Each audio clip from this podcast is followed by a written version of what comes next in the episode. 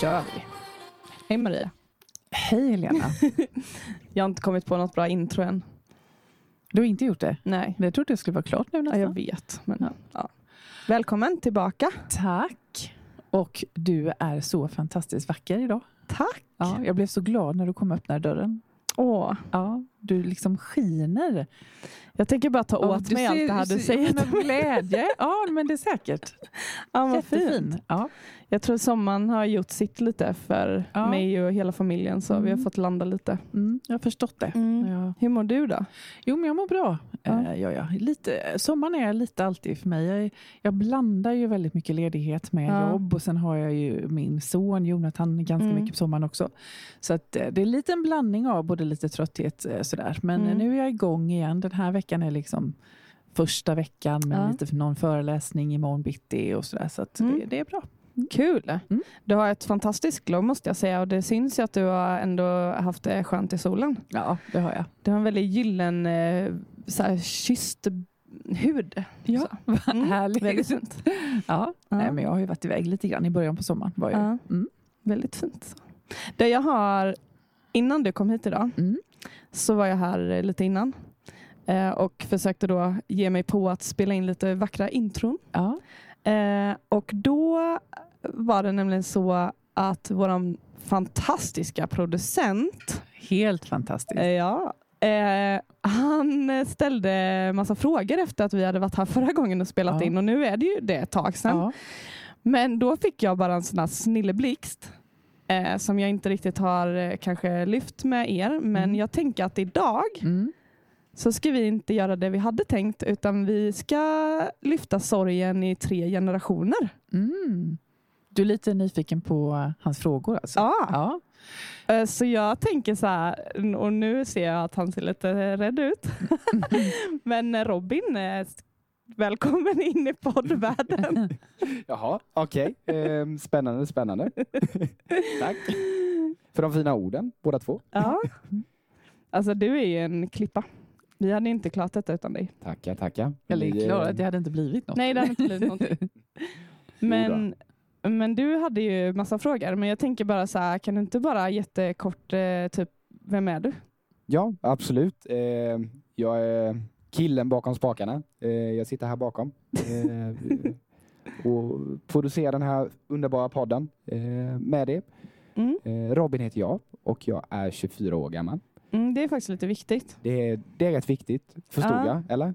Ja, för att eh, det är liksom, vi sitter ju här tre generationer. Maria, vågar du säga din ålder? Ja, det tror jag gjorde förra gången. Ja, det kanske 58, 58 är jag. Ja, 58. snyggt. Ja. och hur gammal är jag? är Jag har två år kvar till 40. Vad är jag då? 37?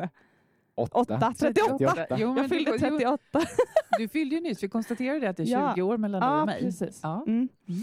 Ja, så att vi har ju liksom verkligen tre generationer här. Mm. Och det skulle vara väldigt alltså så här, spännande lite och bara så här, se hur... Vi vet ju att vi bär sorg. Mm. Eh, den så här tydliga sorgen lite Mm. mer. Men det ska bli kul att se om eh, Robin tror att han har någon sorg. Ja, jag är då, eh, jag tycker att det är min prime time i mitt liv just nu. Just det. Eh, Så jag känner att tänk, jag tänk inte... om vi tänker så alla tre. Ja, men lite Ja. så. Det är bara, bara tre olika åldrar på oss. Ja. Mm. Eh, Men jag skulle säga att i dagsläget har jag ingen sorg alls. Nej? Jag är, har ingenting som jag tycker jag har mått dåligt över, eller mår dåligt över. Nej? Inte för att det är något fel med det, men jag känner mig, känner mig glad. Mm. Kul. Mm. Men däremot har jag ju lite funderingar över, precis som du sa så eh, pratade vi lite innan. Mm. Och allt men ni pratar, eller, men, ni, men ni pratar om vad ni gör på Mm. dagarna. Och att ni har så mycket bollar i luften och att ni, ni jobbar med sorgbearbetning båda två. Och första tanken jag har i huvudet är, måste inte det vara världens absolut tråkigaste jobb? Eller jobbigaste jobb kanske till och med? För jag menar, ni, någonstans så är det ju jag går till jobbet och sen så går jag och är alltid glad och får mycket bra bemötande hela tiden. Men ni får ju bara sorg hela dagarna. Hur känns det och hur känns det när ni kommer hem sen? Hur hanterar ni det liksom? Ja. Nej, men alltså jag, jag säger ju att jag, alltså jag tycker ju att jag har världens roligaste jobb Mm. också. Eh, det, det säger jag ju och jag vet att jag har sagt det hemma någon gång så här. Alltså, Alltså det är så himla roligt att jobba med sorg. Och jag vet att mina vuxna barn och söner har sagt någon gång så här, men du kan ju inte gå omkring och säga det. Du kan ju inte gå omkring och säga att det är kul att jobba med sorg. Det låter ju helt sjukt. Liksom. Men, men eh, det, det, det är helt fantastiskt. Och sen, det, för, för mig är det också skillnad. Att jobba med sorg, det innebär ju att, det var som jag, du och jag pratade innan Lena, jag, jag tror kanske en av tio Mm. som kommer till mig kanske, kommer till mig utifrån ett dödsfall Ja. eh, som har hänt, alltså nära, eh, någon nära eller kära som har dött. Men de andra nio kommer till mig utifrån att man har hört talas om mig och att man vill komma för att få något slags stödsamtal. Och när de Mm. börjar berätta sin berättelse så hör ju jag att det här, att det finns förluster, det finns liksom sorger med som de kanske aldrig har tänkt på att det är.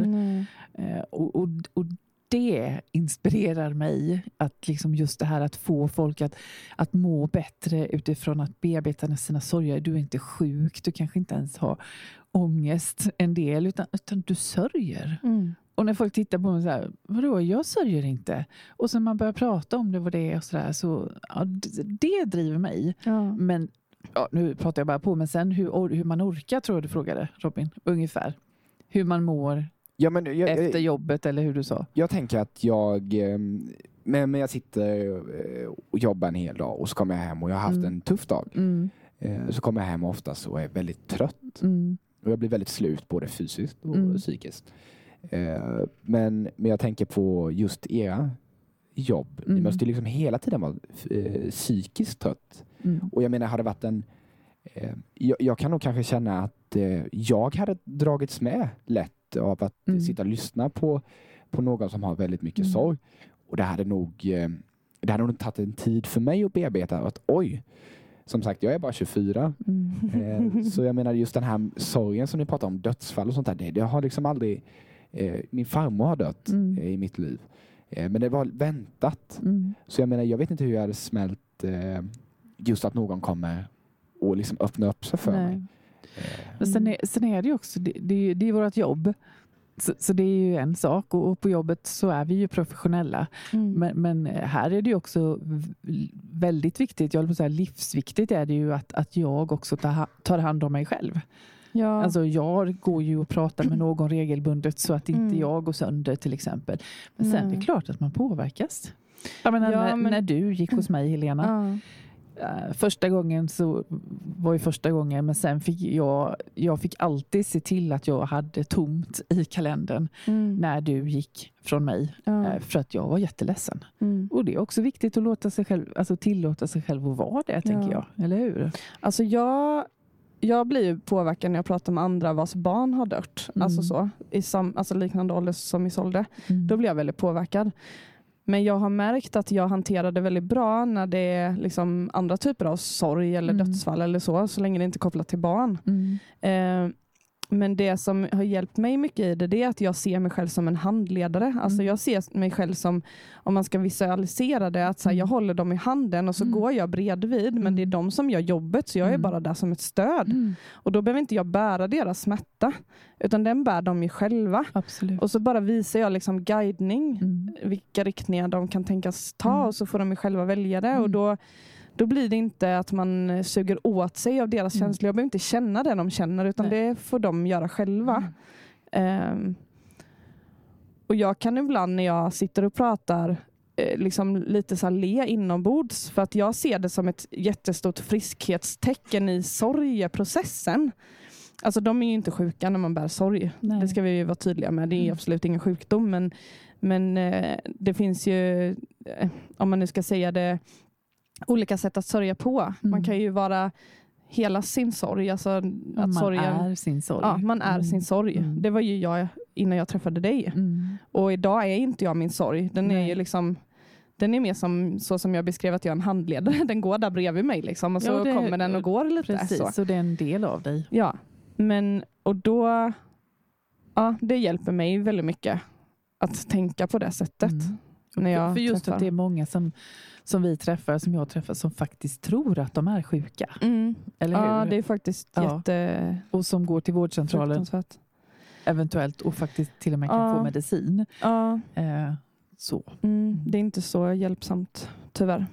Men och så är vi ju uppvuxna så vi får ju lära oss eh, från tidig ålder, det tror jag vi pratade lite om förra gången till och med, att, att vi får ju lära oss att dämpa känslorna och hålla undan dem. Och Ja, det som visst. händer när vi går till liksom, sjukvården oftast är ju att de vill fortsätta dämpa det där genom Ja. eh, att ta antidepressiva, Mm. sömntabletter och sådana Mm, saker istället mm. för att gå till, till roten med liksom, vad är det som orsakar detta. Mm. Eh, och Det var så tydligt för jag har precis eh, startat en ny klient Mm. Eh, och eh, eh, Den här personen beskrev då Personen söker på grund av en skilsmässa Mm. men när vi pratade så insåg vi nog att den största sorgen som finns är tillit. Ja. Och det grundade sig långt tillbaka. Ja. Eh, så det är det vi har börjat prata mer om Mm. än det som faktiskt har hänt nyligen. Mm. Alltså så. Och det är det som är så häftigt tycker jag med vårt jobb. Att Ja. De flesta söker till oss på grund av att det kanske har hänt något jättestort. Ja. Eller att man känner sig tom inombords så man vet inte vad det är. Och så är vi liksom detektiver ihop med dem och börjar så hitta och börja nysta upp liksom saker och sådär. Ja. Snyggt! Detektiver, det, det gillade jag. Det var Mm. lite häftigt. Mm. Och eh, just det du sa att eh, sorgen eh, går vid mig, alltså som en handledare. Mm. Eh, häftigt. Ja. Tänkvärt. Men jag tänker, du säger att du inte har några sorger. Vad du vet. Men så här, vad vet du ens, vad, eller så här, vad tänker du om sorg? Ja, för, för det var min, min nästa tanke. Eh, för du nämnde, eh, eller ni nämnde att eh, just det här men man är så liten att man hela Mm. tiden blir van med att nej, men man är inte ledsen, man får Mm. gråta och sen är det klart. Mm. Mm. Men jag då som kille eller man eller vad man vill kalla mig eh, har ju alltid hört att eh, killar gråter inte.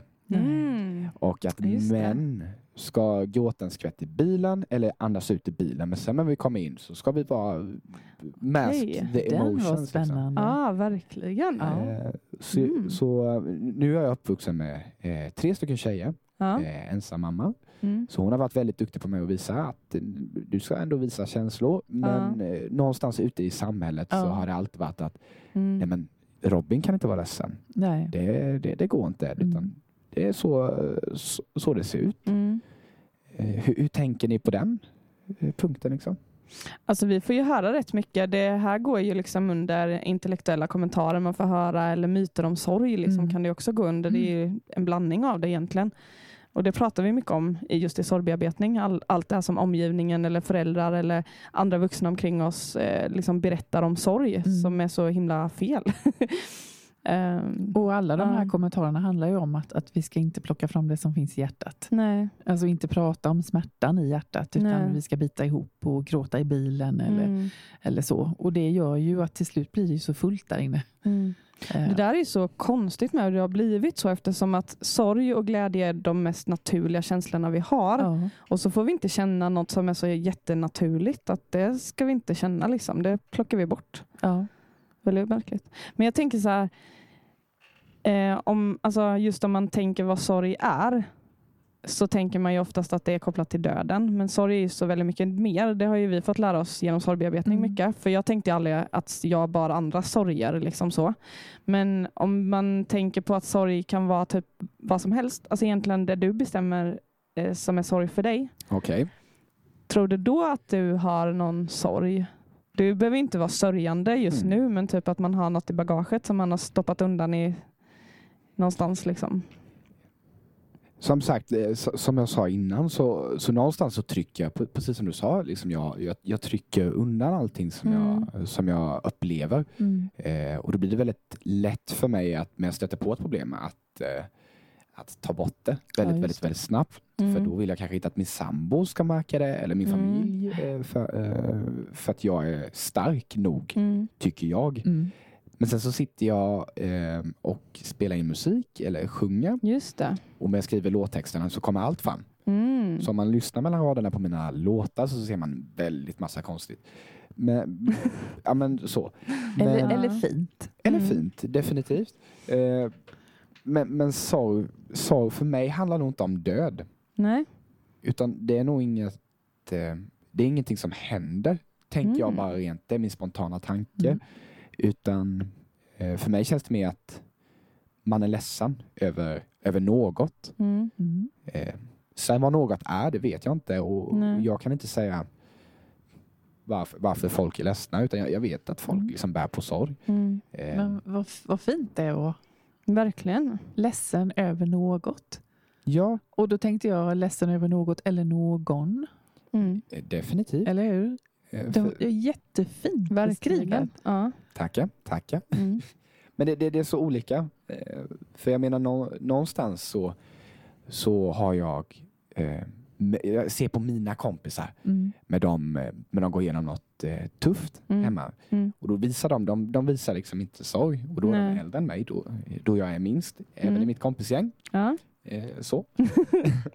Men, och det tar sån tid för dem att säga vad som är fel. Ja. Mm. Eh, och då behöver det liksom inte just vara att det har hänt något eh, med en person eller Nej. att någon har gått bort. Utan det kan vara att de är rädda Mm. för en förändring. Mm. Eh, eller Det något där annat. är ju superbra att du säger, för det där är ju en sorg faktiskt.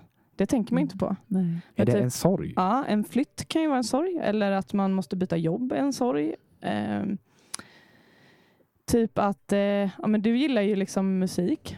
Eh, och så kanske du har eh, sparat länge till en specifik eh, dator som du kan spela in på och så råkar du eh, spilla din kaffe på den och så går den sönder. Liksom. Och all, allt det du har jobbat för som ligger där i bara är helt borta för du hade inte sparat det på en extern hårddisk. Men då hade jag varit arg.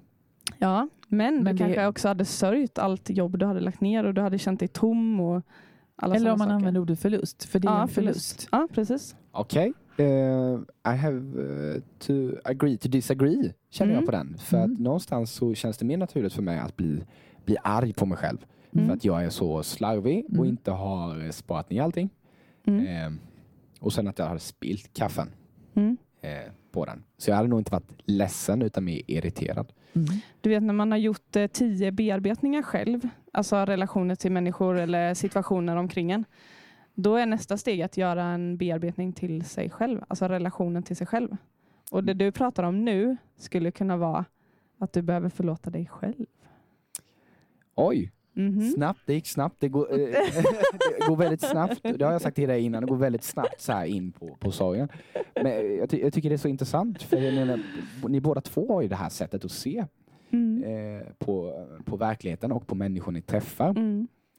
Eh, och eh, jag tycker det är häftigt men någonstans så måste det eh, påverka er med. Ja, självklart. Liksom, eh, arbetsskada kan man nog lätt, lättast beskriva det. Mm. För, för mig så kunde jag gå ut till en bar och liksom sätta mig och prata med kille eller tjej eller hen eller hon eller den. Ja. ja, men jag pratar med en person och vi sitter och dricker öl och jag kan bara ha en konversation Mm. så här, utan att eh, tänka på att den här människan har gått igenom saker. Mm. Eh, men för er måste det vara kanske lite mer påtagligt att eh, ni kommer lättare in på de här ämnena. Men det där Ja, det, ja, men det, gör, men alltså, vi- det, det gör vi nog, fast i mitt fall så... eh, Vi hade middagsgäster förra veckan. Mm. Eh, och då... Och helt plötsligt så då var, jaha, då var det döden, pratade vi om då. och då säger, då säger liksom mannen där, jaha, nu kom vi dit igen. Ja, men ni kan inte skylla på mig för det, säger jag då. Nej, men då sa de det, det är så lätt att börja prata om de här sakerna när Ja. du är med. Eh, Men det för där är jag ju... sitter inte och tänker så. Kan ni beskriva som lätta att prata med? Inte sorgpedagoger eller vad Ja, jag Nej, men- det är lätt att är prata med, det tror jag nog. Det tror jag nog. Ja, men och jag tänker också så här, för jag är ju också utbildad hälso och livsstilsterapeut Mm. eh, och jag gör ju då analyser genom att kolla huden och eh, tunga och sådana saker och då Alltså när jag började jobba som det och man sa det till folk, de bara kollar du på min hud nu? Vad tänker du om mig nu? Att jag har brist på det här och det här och du vet, så här, de blev typ rädda för att prata med mig Ja. och Kom då jag in sa här jag det. och flika in igen. Ja, Va, eh, vad, vad sa du att det hade varit för utbildning? hälso och livsstilsterapeut. Och vad innebär detta? Att du typ kan eh, Varför vill du kolla på min hud för? Nej. Nej, men när man jobbar som hälso och livsstilsterapeut så jobbar man ju med att eh, eh, alltså kosten skulle kunna vara en del av eh, läkande faktorer. Alltså säg att du har problem med din mage så kanske du behöver äta en viss typ av mat för att läka tarmen och sådana saker. Mm. Och huden är ju det största organet vi har i kroppen. Eh, och då visar den också väldigt tydligt var någonstans eh, vi har obalanser. Eh, eller hormonella obalanser kan det vara, eller läckande tarm och sådana saker. Och då kan man se det i huden på olika sätt. Det finns olika områden. Liksom. Men för att jag ska kunna se det så behöver jag liksom få en bild på ansiktet, närhet och jag behöver sitta och analysera. Liksom. Så det är inte så att när jag sitter och pratar med dig här nu som sitter på en viss avstånd eller när jag står och pratar med någon att jag bara säger jaha, ja, där ser jag att eh, där eh, har vi nog lite överbelastad lever och lite Ja. så. Nu Och kan jag så- lugna ner mig lite för nu kände jag mig ännu mer rädd för att sitta här inne med Ja, er. jag förstår menar, ni, ni kan både så här bryta upp mig från insidan men så kan du också kolla på min hud. Att nu, är- nu, nu är det något Men som är fel på säg dig. inte ni, för jag kan inte det. För du, du kan öppna upp en. Läskigt. Ja, men det jag vill säga är bara att när man jobbar, då är man ju i jobbmode. Alltså det är då man Ja. jobbar. Men när vi är privata, då så sitter ju inte jag och tänker liksom att, att jag ska eh, dra, nu ska jag minsann hitta botten med vad för sorg den här personen har. Alltså det, så funkar det inte. Absolut inte. Däremot om, Mm. om det är någon av mina vänner eller min bekantskapskrets som, som drabbas av en stor förlust, eh, stor sorg, då vet ju jag hur jag ska bemöta Ja.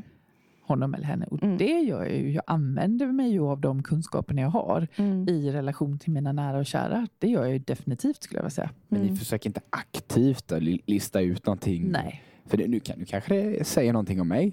Så. Men jag hade nog kanske känt att, eh, att eh, jag kanske hade försökt läsa av människan och så Ja. hade jag bara, bara haft det hos mig själv. Mm. Nej men så, så enkelt.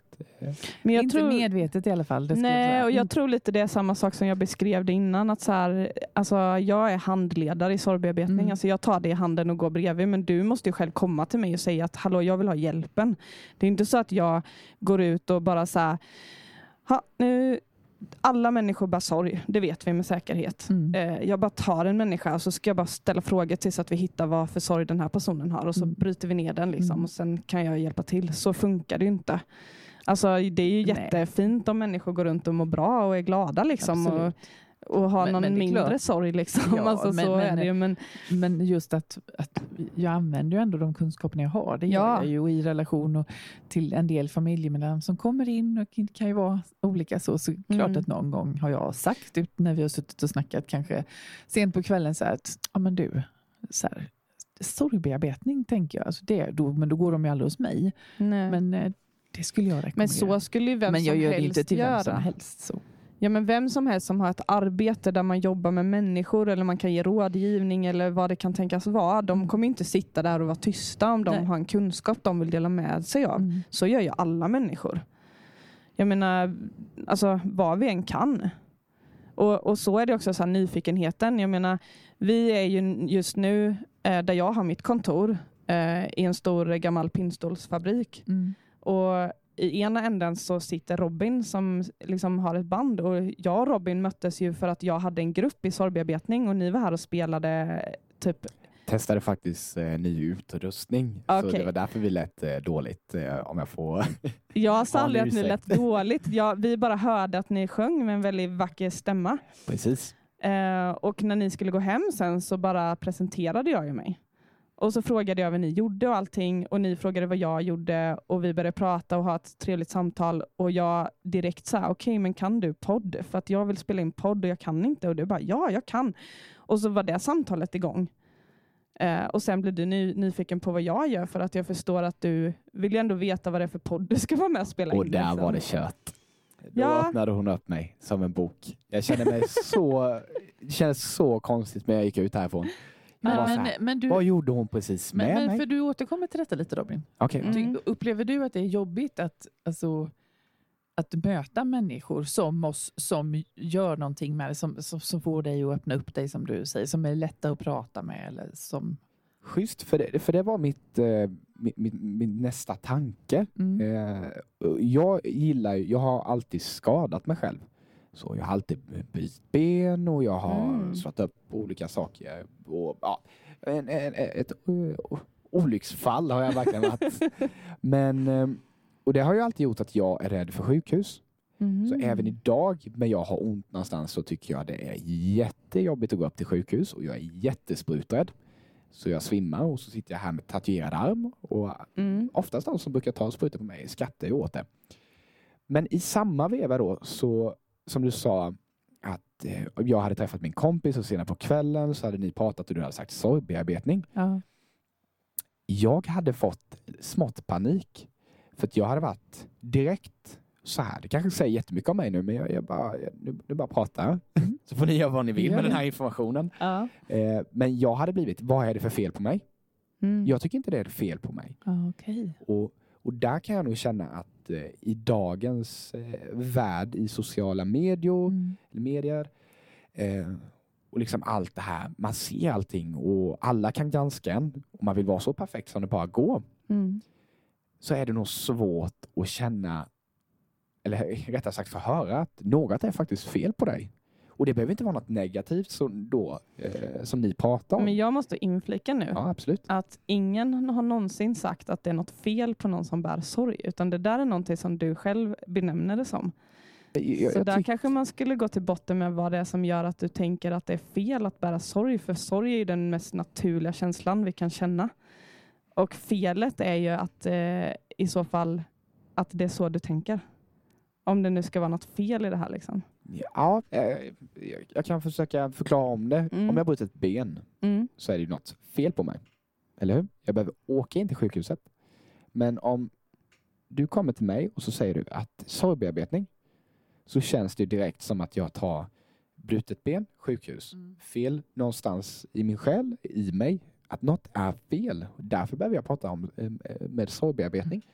Eh, och- och så, så känns det bara. Men jag kan, nog, eh, jag kan nog känna igen det du beskriver kan jag nog känna igen lite hos en del klienter som kommer till mig som inte kommer utifrån dödsfall då. När jag liksom smyger in på det ämnet så kan jag se lite av den reaktionen som du. Men sen när man börjar prata om vad det här innebär och, och, och sorg och förluster och, och jag brukar berätta om mig själv lite, då liksom lättar det lite hos den andra personen. Okej, det kan vara så. Mm. Så, så jag kan känna igen lite i, i din reaktion där. För, för mig så känns nog sorg lite laddat. Mm. Så det, kan, Mm. det kanske är personligt, men nu bara tar jag från mina kompisar och mitt eh, Absolut. umgängeskrets. Ehm, Så är nog sorg väldigt, väldigt laddat. Och jag tror det Mm. är det i dagens samhälle. Mm. Att det är, det är ett laddat ord. Att ant- är, man, är man ledsen, om jag skulle ta det så, Mm. så, så är det något som är galet. Och jag tror inte man vill, utan då är det kanske är lättare att skylla på depression. Mm. Nej, men Ja. jag är deprimerad bara. Mm. Så, för då sätter jag, jag är deprimerad. Okej. Men sen så kommer ju ni här då, detektiverna som ni så snyggt eh, sa. Tyckte det var jättebra. Men och bara varför? Mm. Och jag menar, det, där har jag nog aldrig, det har jag nog aldrig tänkt på. Nej. Alltså varför? Utan det, då är det lättare att sätta en stämpel för mig. Mm. tror jag. Men det är sen- nog ja. Det handlar nog mycket om att det är lättare att hantera, alltså just att det är det samhället vi är uppvuxna i, att man ska ha en diagnos på saker och ting Ja. hela tiden, för man kan inte bara få vara i det man är, utan det måste finnas en diagnos för att någon ska förstå. ja, och sen tänker jag också att sorg, sorg innebär ju, alltså sorger och förluster innebär ju också smärta. Ja, Och vi vill inte känna smärta. nej. Det var någon som sa till mig häromdagen just att hon har vuxit upp Liksom, vi pratade aldrig om det för, för mamma var så rädd att börjar vi prata om det så river vi upp gamla sår och, Mm. och så för vi vill inte känna den här smärtan. Och det är därför och, och ja, det är ju också därför om det blir för mycket smärta här inne Mm. så, så liksom pff, pyser det ju över Ja. till slut och då eh, kan vi ju börja må väldigt dåligt. Men vi vill inte känna smärta. Det är, det är, så upplever jag i alla fall. Alltså, men jag det är ju en naturlig del av livet. Ja, jo, men det känns så jobbigt ju. Mm. Ja, det är ju så det- det är jobbigt med smärta. Ja, Och det är man vill inte, det är ju liksom naturens lag. Ja. Alltså, Mm. allt som gör ont, är nej. Gå åt andra hållet istället. Mm. Eller hur? Ja. Jo men så är det. Men och jag tänker ju att det man glömmer bort, alltså typ som om vi ska ta exemplet du berättade om nu att du tycker det är väldigt jobbigt att åka till sjukhus och ta sprutor och sådana saker. Det ser ju inte den stora allmänheten som en sorg. Men för mig så tänker jag att du har ju varit med om, det har ju blivit ett, en tra, ett trauma för dig på ett sätt. Alltså att du, har, du kopplar sjukhus och sprutor till någonting som gör ont, som är jobbigt, som du inte vet hur du ska hantera, för du har aldrig fått lära dig att möta det. Och då, Nej, är, ju det, då är ju det en typ av sorg.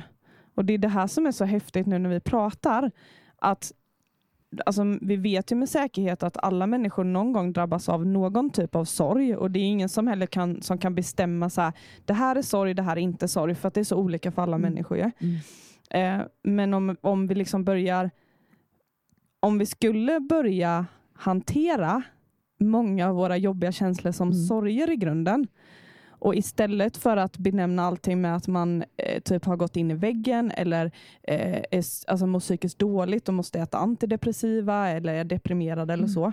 Och man istället börjar benämna det som att man bär en sorg och att det är okej att vi känner. Alltså Mm. det är ju såklart jag har ju drabbats av ångest mycket Mm. efter allting. Och det är skitjobbigt att ha ångest. Alltså det är det mest obehagliga jag varit med om. Och panikattacker och allt sånt. Man vill inte vara i det, men jag dör ju inte av det. Men om jag då får antidepressiva direkt istället för att ta hand om det och bara fortsätter dämpa. Den dagen jag ska sluta så kommer ju liksom då är jag ju där jag var när jag började ta antidepressiva. Mm. Alltså vi måste ju möta det. Så enkelt är det. Vi kan inte hoppa över ett steg. Nej, men, och det Men- är ju att, att fly från den här smärtan som Mm. ju- kan ju vara stor eller liten beroende på Ja. vad det är för sorg och förlust som vi är mitt uppe i. Men att fly den, och det blir bara en kortsiktig vinst. ja. Det- är kortsiktig vinst men det blir en långsiktig förlust. Och Det är Mm. det jag tycker är så häftigt med vårt arbete när vi får möjlighet att jobba med sorgbearbetning och alla som kommer till oss Ja. vi blir någonstans lite ambassadörer för att liksom på något sätt prata om det, att våga visa, våga Mm. prata om smärtan. För det är inget farligt. Nej. Och det är långsiktiga vinster för oss som människor. Ja, tänker och jag. jag känner ju bara så här, herregud vad frisk du blev nu när du grät. alltså, Ja. jag tycker det är så himla mm, fint liksom. Att så här, att man, ja men liksom det är ett friskhetstecken att våga säga att så här, jag mår så jävla dåligt och jag har ångest och jag vill eh, typ inte gå upp i sängen idag. Bara, men grattis tycker jag. Jag tänker så. Bara, men grattis. Du, du låter det som du känner få ta plats istället för att skjuta undan det och fortsätta och låtsas som att det regnar. Konstigt. Ja. Ja, sen, men sen får ju inte det bli ett... ett, Nej, såklart inte. Heller, så, men, Alltså vi måste ju Mm. få verktygen till att hur vi ska liksom Ja. hantera sorgen för att det är skitjobbigt. Men mm. jag bara liksom, om man bara ska börja någonstans så är Men det ett första steg till att faktiskt bli frisk. Men eh, ja, vi kommer, ja, eh, kan, nog ha, eh, kan nog förstå var det kommer ifrån. Mm. Men om, om jag går tillbaka till det jag sa innan med eh, mansrollen Ja. i samhället. Så jag menar, jag har jättesvårt att gråta. mm. Även att jag känner att nu vill jag gråta. För att nu, nu, nu tycker jag det här, nu, det här var jobbigt, så nu, nu vill jag gråta. Mm. Så har jag jättesvårt för att gråta. mm. Alltså jag har ju sen, tänkt är på inte, det där. sen är inte det ett tecken på hur mycket vi sörjer eller visar. Nej. Alltså tårar är ju inte det. Nej. Vi gråter ju olika mycket, alla människor naturligtvis. Mm. Men jag tänker du är ju ändå präglad av det. Som, för du, det kom ju väldigt snabbt det här. När du Mm. berättade att gråta en stund i bilen och det. Såklart, Ja. Det har ju präglat dig. Mm. Det har det.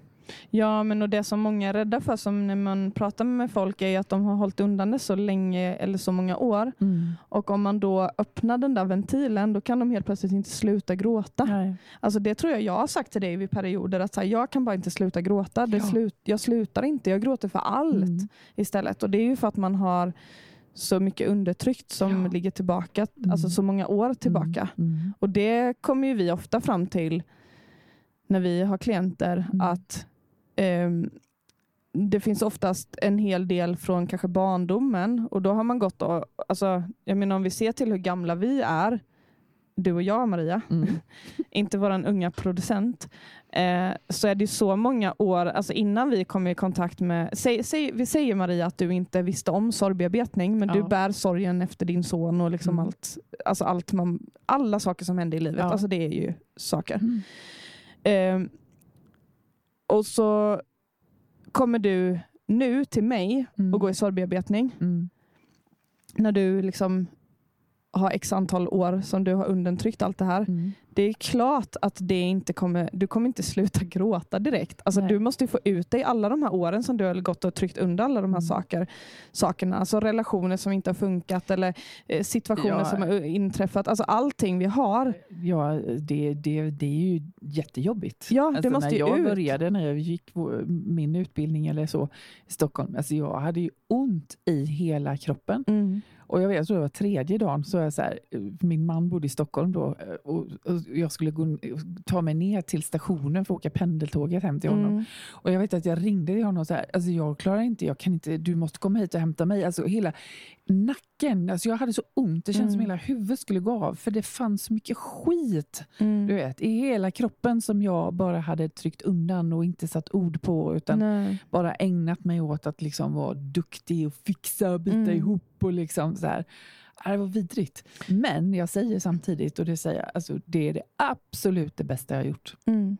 Det är det bästa presenten jag har gjort. Men- Gett mig själv. Ja, men och jag kan känna mig så lite glad typ att du och jag, Robin, eh, liksom träffades nu när vi gjorde, för du är så ung fortfarande. Och, ja, och, det du, stämmer. och, ja, men, och du vet ju redan nu att sorgbearbetning finns, så den dagen du drabbas av sorg, om du skulle göra det, eller, eller det är någonting som du känner så här, men det här kanske är ett hinder för mig. Typ att det är jobbigt att gå till, alltså om du nu behöver åka till ett sjukhus igen och du känner att du får ångest och det är jobbigt, liksom, eller vad det nu är som händer för dig. Då vet du att så här, ah, men jag kan faktiskt ta hjälp av sorgbearbetning för att möta detta. Men de flesta vet ju inte ens att det finns.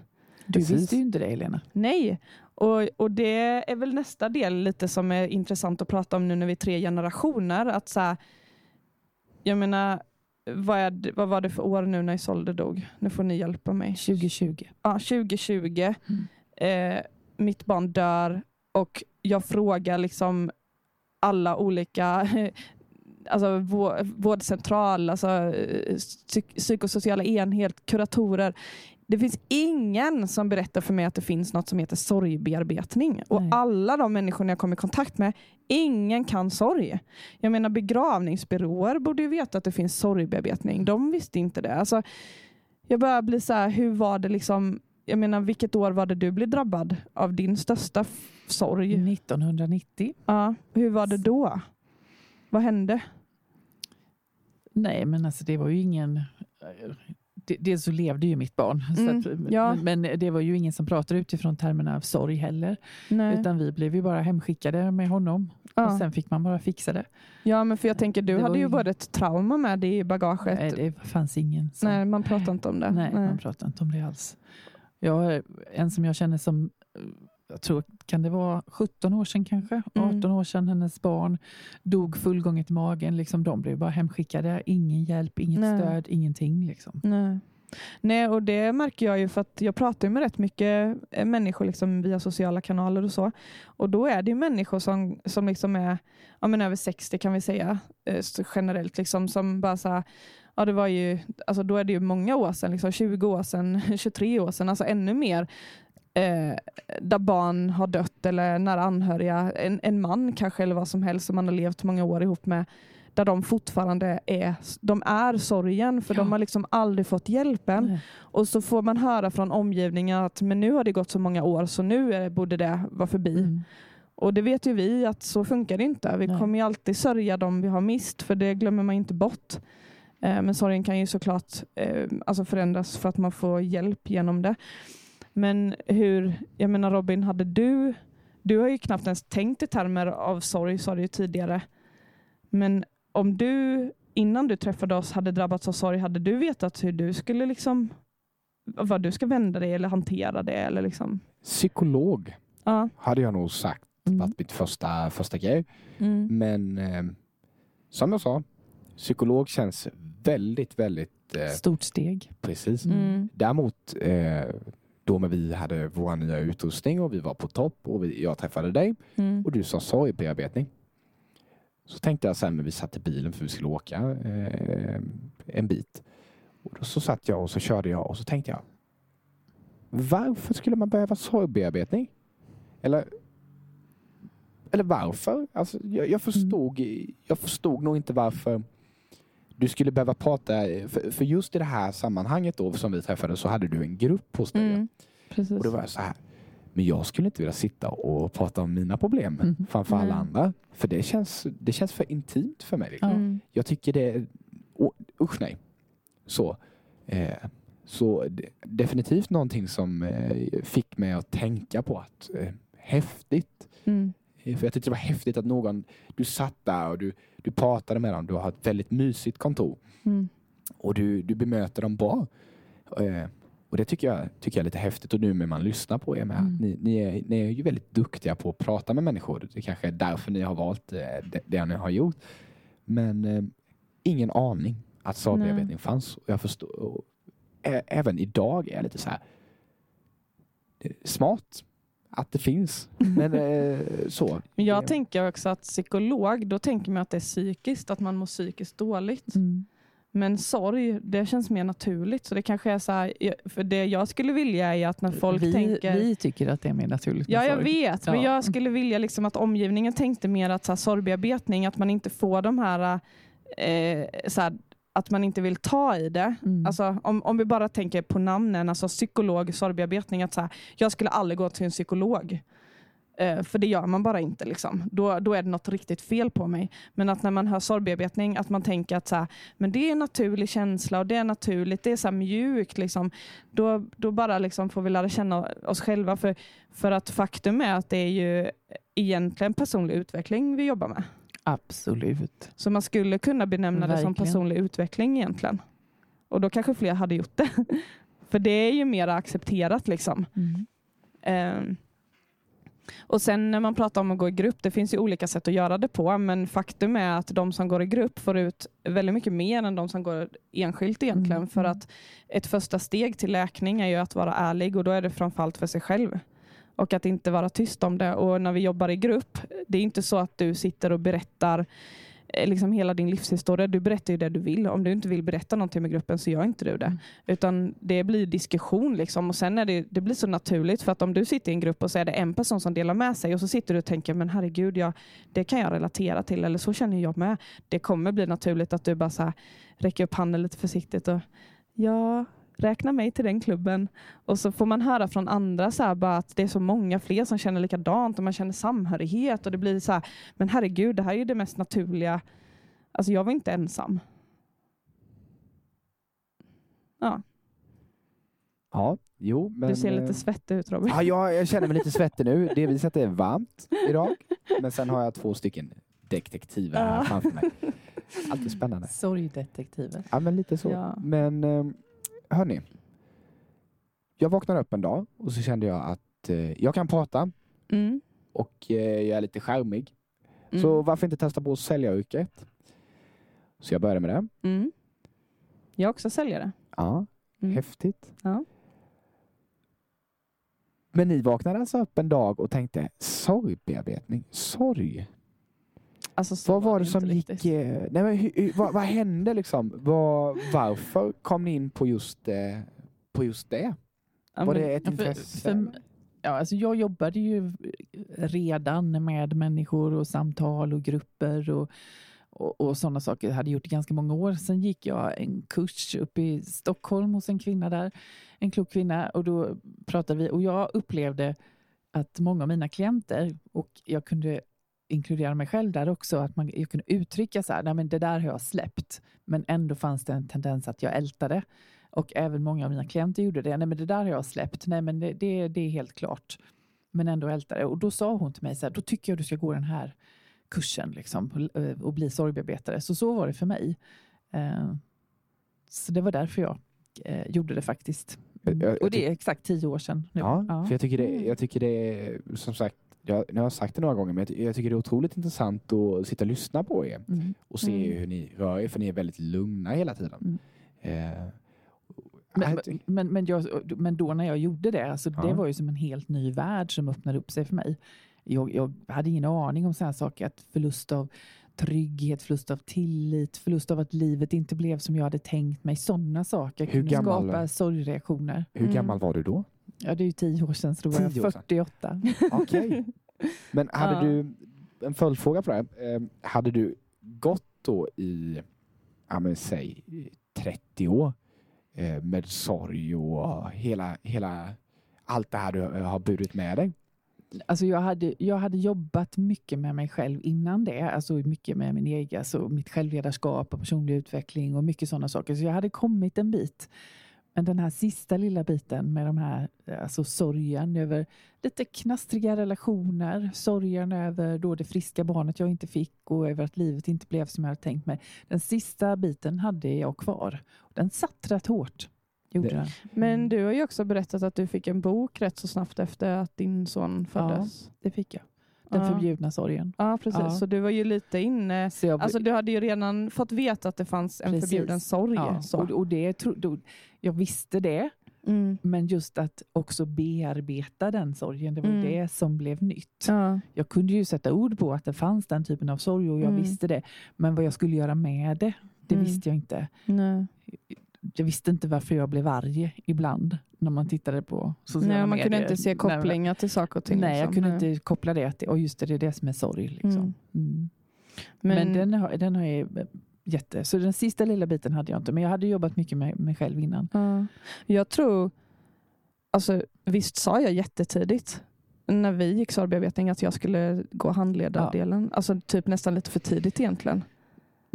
Men du, du sa det tidigt. Ja. Och det är en, ett litet gäng är det ju som eh, har gått sorgbearbetning hos mig som också har utbildat sig Ja. eh, själva. Men för, för mig var det ju, alltså jag var ju mitt uppe i att starta yogastudie och liksom ett hälsocenter typ eller så, när Isolde dog. Så jag har ju alltid jobbat också med människor fast i mer hälsosyfte. Ehm, så när jag, och jag har väl alltid varit sån att det man lär sig, det, det kan man fortsätta lära vidare på något Ja, sätt. Att så här, vi måste ta lär, eller så här, det vi tar lärdom av kan vi lära oss någonting av och lära Ja. vidare. Mm. Sen har jag nog också varit lite, alltid lite så här intresserad av så här döden och Mm. sånt. Tror jag också. Det har nog aldrig intresserat mig tror jag inte. Jag har Jo, aldrig men jag har alltid varit lite så här, mm, vad som händer efter. Och, Mm. Däremot har jag varit Såna väldigt saker. intresserad länge om hur kommunicerar vi bäst med människor. ja. För jag har alltid strävat efter att försöka kommunicera. mm. För det har jag känt saknats mycket i min uppväxt. Mm. Att där har det mer varit så här. Vi är vuxna, ni är barn, ni Mm. fattar ingenting. Typ. Mm. Att jag skulle mer vilja ha liksom konversationer istället för att det mer handlar om att så här är det och Mm. det följer du. Typ så. så det har jag alltid varit intresserad av Mm. och det har man ju fått väldigt mycket ny info om. Eh, eller så här, lärt sig mycket genom Ja, sorgbearbetningen. Just Mm. kommunikationsmässigt, relationsmässigt, förstå andra människor. Och, Våga Ja. prata till hjärtat ja, och sånt. Sen har jag en annan hemlig yrkesdröm. Se om jag hinner med den. Liksom. åh, vill? Begravningsentreprenör vill jag. Nej. Det har jag alltid velat bli. Är det sant? Ja. Kommer jag in här och flika in igen. Varför? Ja, men- Varför just det? Nej, men jag, jag, jag, jag har nog alltid varit intresserad av också mötet med människor som har det lite svårt. Eh, Så jag är lärare också i grund och botten och, och jobbar i de sista åren jobbar jag också med barn och ungdomar som inte var självklara att kunna gå i skolan utan som hade det tufft. Så jag har alltid varit intresserad av mötena med människor. Eh, Så det är nog lite därför. Mhm. Så jag, är nog- jag är nog bra på det också, tror jag. Men Maria, när vi, när vi har liksom gjort eh, karriär med vår podd och, och vi har, känner att vi har gjort sorgbearbetning klart och så, då kanske vi ska starta en begravningsbyrå. Ja, jag tycker det. Jag tycker det. Vi gör det. ja. Den eh, drömmen ja. skulle jag Och vilja. då kan ju du Robin sälja in vår begravningsbyrå. Ja.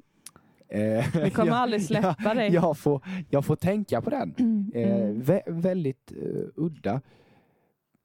Ja, ja, jag blev väldigt ställd där. Så här. Men eh, det, det får man ju bli. Eh, Jag har blivit lite sugen för en ny grej. Jag vet inte om ni har sett det, men eh, faktiskt här i Nässjö där vi sitter och poddar nu så har de utbildning som dödsdola.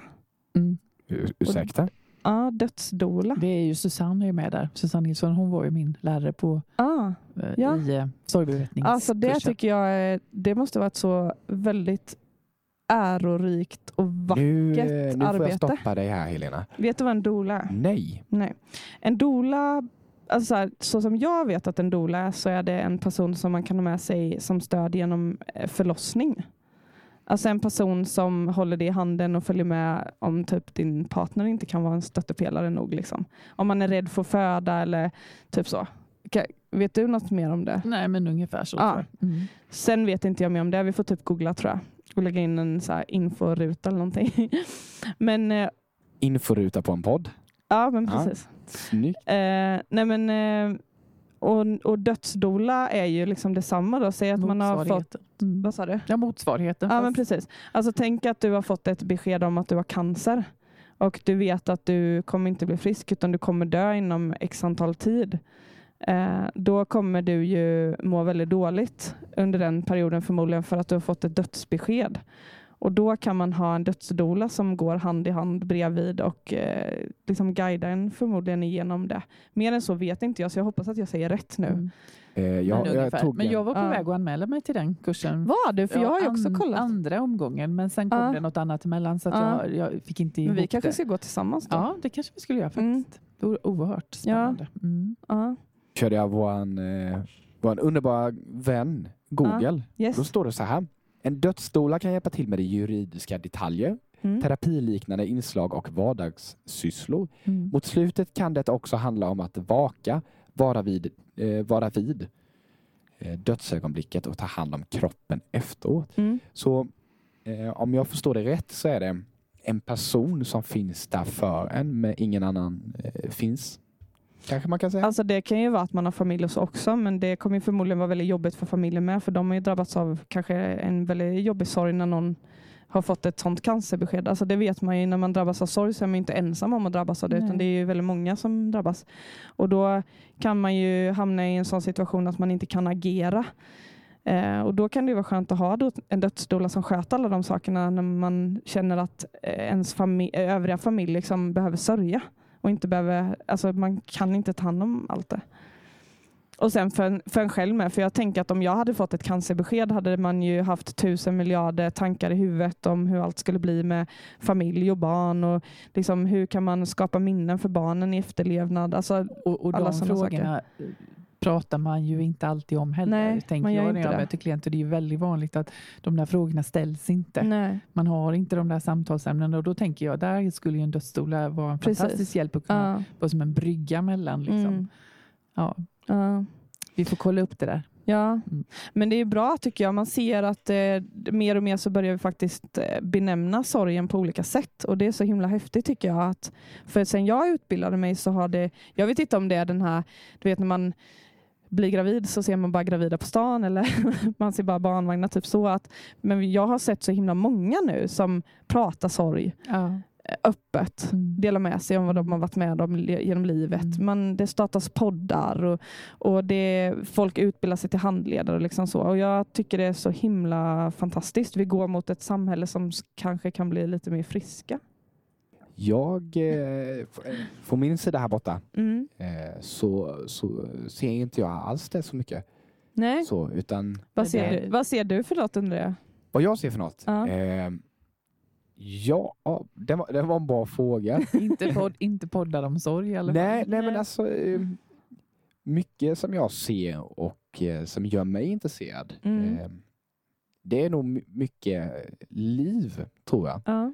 Så här, vad händer i ditt liv? Mm. Så, och sen om sorgen kommer in i det livet, eh, må vara så. Men, det är liksom aldrig någonting som har eh, huvudämne sorg, som jag ser. Eh, så det är därför jag är så fruktansvärt intresserad på Mm. att se hur, hur ni kommer utvecklas här under Mm. Den här serien. Ja, det blir häftigt.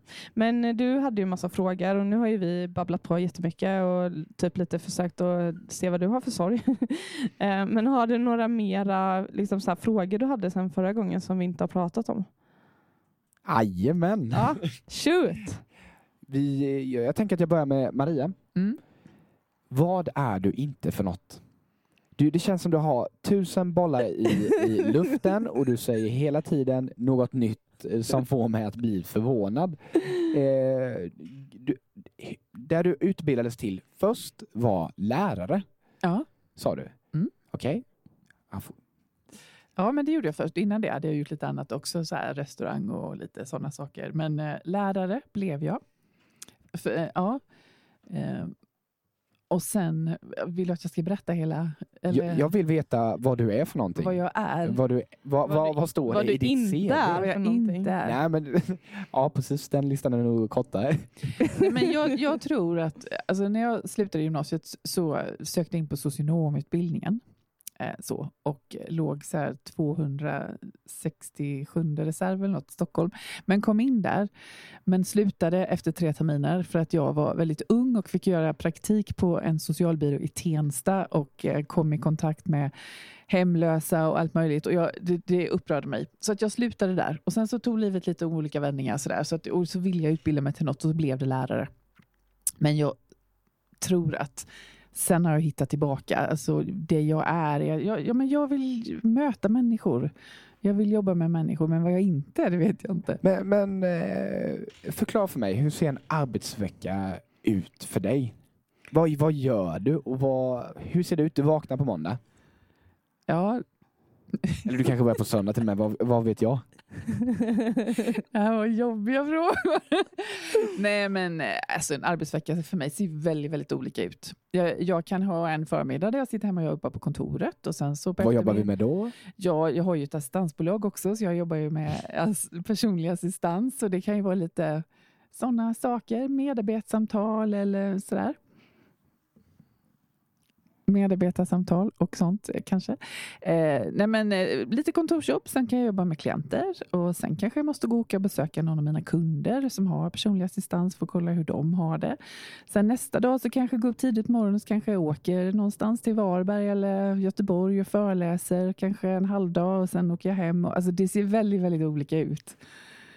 En kvinna med mycket saker. Ja. En eh, full, eh, full kalender helt enkelt. Ja. Men jag tror att det är en Men- typisk entreprenör va? Ja, men och ibland får jag ju höra det liksom, du gör så många olika saker och det blir så här, men allt jag gör upplever jag ju själv, eller det ska vara så. Allt jag gör grundar sig mycket på de värderingarna och de drivkrafterna som driver mig.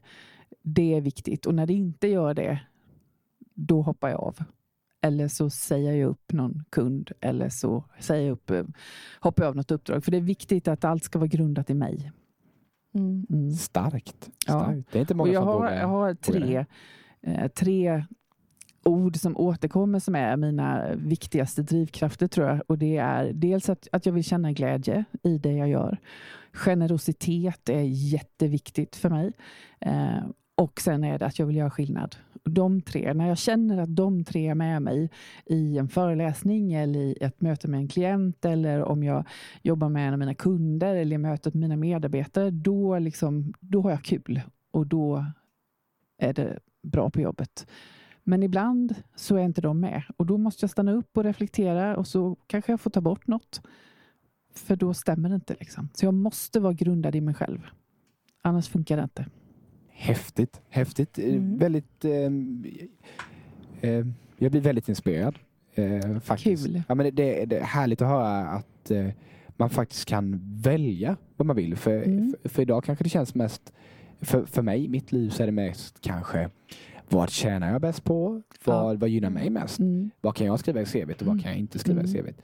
Så väldigt häftigt. Ja, Och jag, för det är klart, i början när jag startade företag, då var ju det viktigt också att få in pengar naturligtvis, för annars överlever vi ju inte. Så det måste vi ju Såklart. Men eh, idag, alltså jag, om jag åker någonstans till exempel, någon vill ha mig som ja, att jobba med några grupper eller någon konflikthantering eller om jag ska jobba med kränkande särbehandling eller så. Och de bestämmer sig för att nej, men vi väljer inte dig, vi tar någon annan. Då är jag så trygg i det idag och känner så här, nej, men jag ska inte vara där. Det är inte där jag ska vara. De ska ha någon annan. Och det är jätteskönt att känna så. Häftigt. Mm. Häftigt. Ja, tack Ja. för att du svarade på mina konst, eller konstiga frågor. Helena, Ja. eh, du har ju också ett mycket bollar i luften har jag förstått. Mm. Och, och eh, du pratade om att du ville göra en yogastudio, eller höll på. Mm. Du har pratat lite här om att du vill göra, i den här lo- lokalen vi sitter i nu, att du vill göra massa olika saker. Mm. Vad, vad, vad gör du? Är nog lättast att fråga. Mm. Nej, men alltså, mitt huvudsyfte just nu är ju att vara mammaledig. Eh, Det är det största och viktigaste jobbet jag har. Och att det heter mammaledighet, det har jag aldrig förstått. För att det borde heta mammajobba. för att jag har aldrig jobbat så mycket i hela mitt liv som jag gör just nu när jag har barn. Eh, Det är liksom 24, 24 timmar om dygnet. Eh, Men Alltså jag har ju alltid haft en drivkraft och jag har alltid velat vara min, med mitt eget. Liksom. Eh, och när man får barn eller när man drabbas av kanske en jättestor förändring eller någonting. Det är oftast då man så här börjar ransaka sig själv. Att så här, men gud, vad vill jag? Lever jag mitt liv som jag lever? Alltså så här, är det här rätt för mig? och så? Eh, och Jag har nog alltid tänkt att jag vill vara egen men inte riktigt hittat vad det är jag vill. Eh, sen hittade jag yogan för x antal år sedan och jag har liksom, eh, alltså jag är utbildad yogalärare eh, och har undervisat i det i många år och trivdes väldigt bra med det. Ehm, så att när jag fick barn då såg jag det som en möjlighet till att så här, nu är jag mammaledig så då kan jag liksom starta upp ett företag och jobba om typ på kvällar, när barnen sover, på helger. Alltså helt plötsligt så tror man att man har massa tid och man ska göra sånt och det är så lite naivt när man får första barnet så bara, men jag ska vara den där eh, arbetande mamman som har barnet på armen och liksom driva eget och ja men du vet sådär. Men Ja. alltså, jag blir så full i skratt. Eh, Tycker du att vi jobbar? Nej, men jag, jag, tycker, jag tycker ni är så, ni är så häftiga. Ni är, så, ni, ni är verkligen fantastiska båda två. Ja, men Eh, jag vill också lägga in en så. liten varning där. För att det är typ det här man ser på sociala medier, att så man, som, som kvinna liksom, och säkert Mm. man med, att man ska vara så jävla duktig hela tiden. Alltså jag skulle ju laga all mat från grunden och jag skulle göra ditten och datten och det skulle vara så jävla perfekt liksom, när jag skaffade barn. Men alltså, tre månader in så hade jag ju liksom släppt allt. Alltså, för att det, det blir ju inte så som man tänker. Alltså så är det ju. Eh, Och jag hade tygblöjor till min äldsta son. Åh. Utan tvättmaskin i lägenheten. Fast så jag, tygblöjorna kokade, är- jag kokade tygblöjorna på spisen. Åh. Kokade tygblöjor. Äh, Fy. Alltså, jag bara ser bajsblöjorna framför mig. Ja. Ja. I alla fall. Det la jag också ner vill jag säga. Ja. Efter ett tag. Usch. Nej men eh, så liksom, ja. Nej men jag kämpade ju på där. Eh, och eh, när vi skulle få Francis, alltså vårt tredje barn, då hade jag ju fortfarande inte släppt att jag skulle bli egen företagare. Naivt nog. Så att liksom i slutet där, jag menar han skulle ju födas i december och jag höll på där liksom på slutet att eh, leta lokal för att starta ett helt jävla yoga eller så här hälsocenter. Eh, typ så.